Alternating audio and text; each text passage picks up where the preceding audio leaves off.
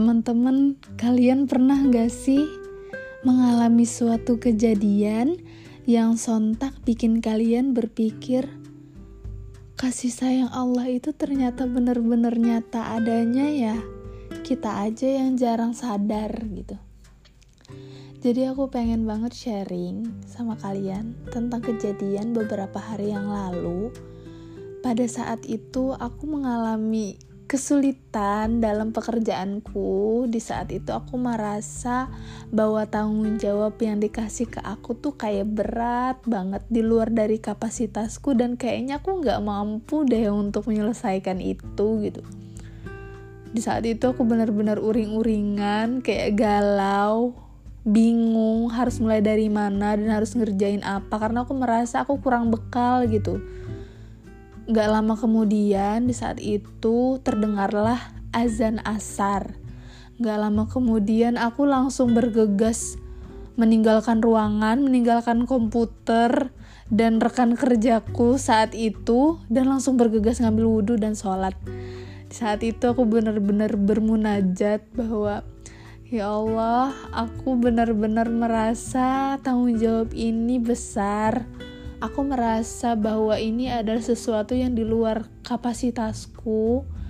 Aku merasa bahwa aku nggak bakalan bisa menyelesaikan pekerjaan ini dengan baik kayak gitu. Aku merasa nggak mampu. Terus kalau memang misalnya ini benar-benar tanggung jawab yang menurut engkau aku mampu untuk menyelesaikannya, tolong banget dikasih solusi, dikasih jalan terbaik gimana caranya aku bisa menyelesaikan pekerjaan itu. Gimana caranya aku punya kemampuan. Tolong berikan aku jalan yang terbaik menurut Engkau ya Allah. Sebegitu lemahnya aku gitu. E, jika memang benar-benar aku tidak mampu untuk menyelesaikan pekerjaannya, tolong berikan aku jalan gimana caranya pekerjaan itu bisa selesai entah dari orang lain atau seperti apa kayak gitu. Engkau yang maha tahu jalan yang terbaik kayak gitu. Aku minta di situ bener-bener kayak uh, minta dengan tulus dengan kayak dalam banget kayak gitu mintanya. Karena memang bener-bener di saat itu kayak berat kayak gitu. Dan tahu nggak teman-teman setelah aku selesai sholat itu Baru aja aku keluar dari ruangan nutup pintu musola. Tiba-tiba Tuhan itu membe langsung memberikan jalan menyelesaikan pekerjaan itu di saat itu juga. Di saat itu atasanku langsung ngasih tahu ke aku, ayo kita selesain pekerjaan ini kayak gitu. Terus kamu kasih tahu aku, sampaikan ke aku apa-apa aja yang harus disiapkan, gimana aja detailnya. Nanti untuk selebihnya aku yang selesain kayak gitu. Aku langsung sontak terdiam dong di saat itu dan langsung pikir ya Allah aku baru aja minta loh. Dan langsung dikabulin langsung dikasih jalan terbaik kayak gitu. Dan aku tuh langsung terenyuh teman-teman di situ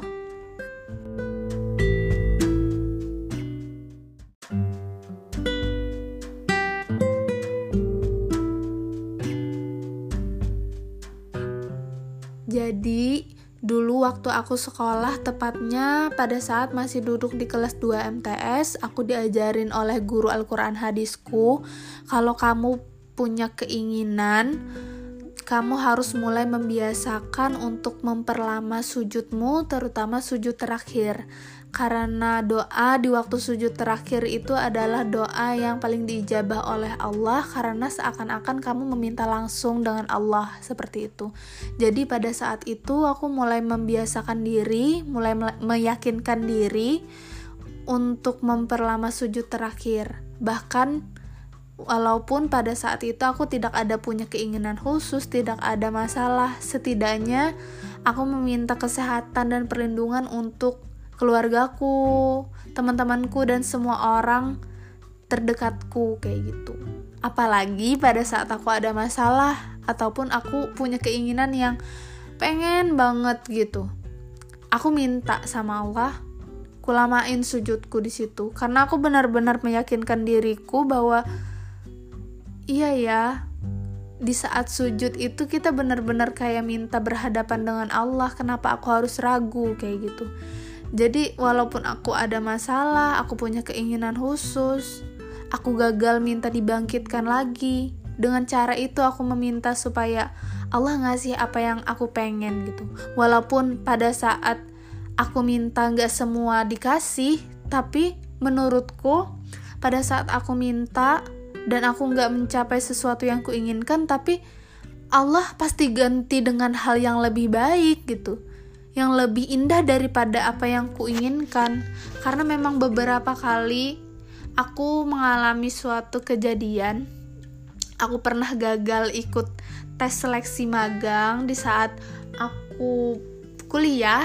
Aku pengen banget jadi instruktur magang di saat itu. Aku pengen banget jadi instruktur lab praktikum atau asisten dosen di saat itu. Setelah aku uh, magang selama enam bulan ternyata di penentuan terakhir aku gagal teman-teman. Di saat itu aku merasa aku down banget. Karena di saat itu aku benar-benar mendapat dukungan dari semua temanku gitu. Bahkan dari dosenku dari orang tuaku. Aku pun aku dapat dukungan itu yang membuat aku yakin bahwa aku bakalan diterima. Dan pada saat itu aku ternyata tidak diterima teman-teman dan aku langsung down. Ternyata pada saat aku sudah keluar dari situ kemudian aku cerita ke temanku cerita ke dosenku dan orang tuaku aku ingin menghentikan langkahku di situ. Ternyata pada saat aku uh, pada saat uh, ada lowongan satu tahun kemudian aku ragu-ragu untuk maju untuk mendaftar kembali walaupun ada keinginan untuk masuk lagi tapi kayak masih ada sisi traumatik gitu. Tapi di saat itu aku minta jawaban sama Allah.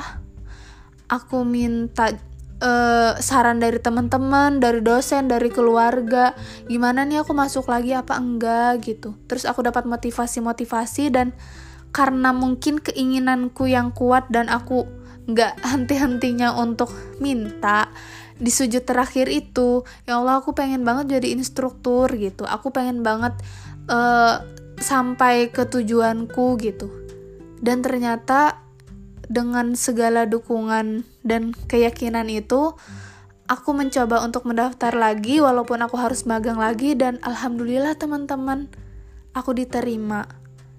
Jadi hal itu mengajarkanku untuk lebih berusaha keras dan nggak boleh berhenti untuk meminta gitu. Dan Allah pasti kasih jalan yang terbaik walaupun jalan itu nggak mulus gitu. Ada kegagalan, tapi Allah kasih kita semangat lagi untuk bangkit. Allah kasih orang-orang yang sayang untuk mendorong kita semakin semangat, membuat kita lebih banyak berusaha lagi, bekerja keras lagi untuk mendapatkan sesuatu yang kita inginkan, dan alhamdulillah kita sampai ke tujuan akhir kita.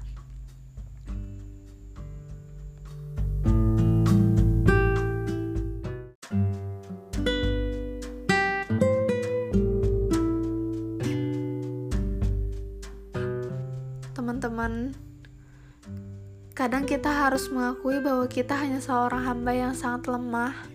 Kita bukan apa-apa kita bukan siapa-siapa.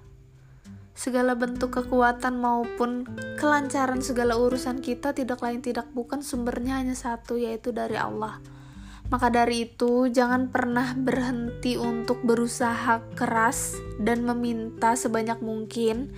Jangan pernah bosan untuk berdoa kepada Allah, karena semakin banyak kita berusaha, semakin banyak kita meminta kepada Allah, Allah akan semakin murah hati kepada kita, dan kita tidak akan pernah mendapatkan kekecewaan. Walaupun kita tidak mendapatkan persis seperti apa yang kita minta tetapi Allah pasti memberikan sesuatu yang jauh lebih indah dari apa yang kita inginkan, dari apa yang kita harapkan, dan dari apa yang kita cita-citakan. Maka dari itu, teman-teman, Jangan pernah berprasangka buruk kepada Allah di saat kita merasa gagal atau merasa down, tetapi perbanyak meminta kepada Allah. Perbaiki prasangka kita kepada Allah. Aku pernah dengar pesan seperti ini. Katanya, aku tergantung hambaku, aku tergantung prasangka hambaku kepadaku. Jika kita ingin melihat keajaiban dalam hidup kita, kita harus meyakini Allah dengan cara-cara yang ajaib juga. Kita harus meyakini bahwa keajaiban-keajaiban itu bakalan datang dari Allah dengan kuasa Allah.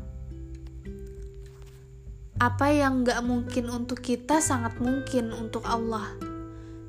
Jadi jangan pernah meragukan kuasa Allah gitu. Apa yang kita inginkan minta sama Allah sekecil apa pun itu.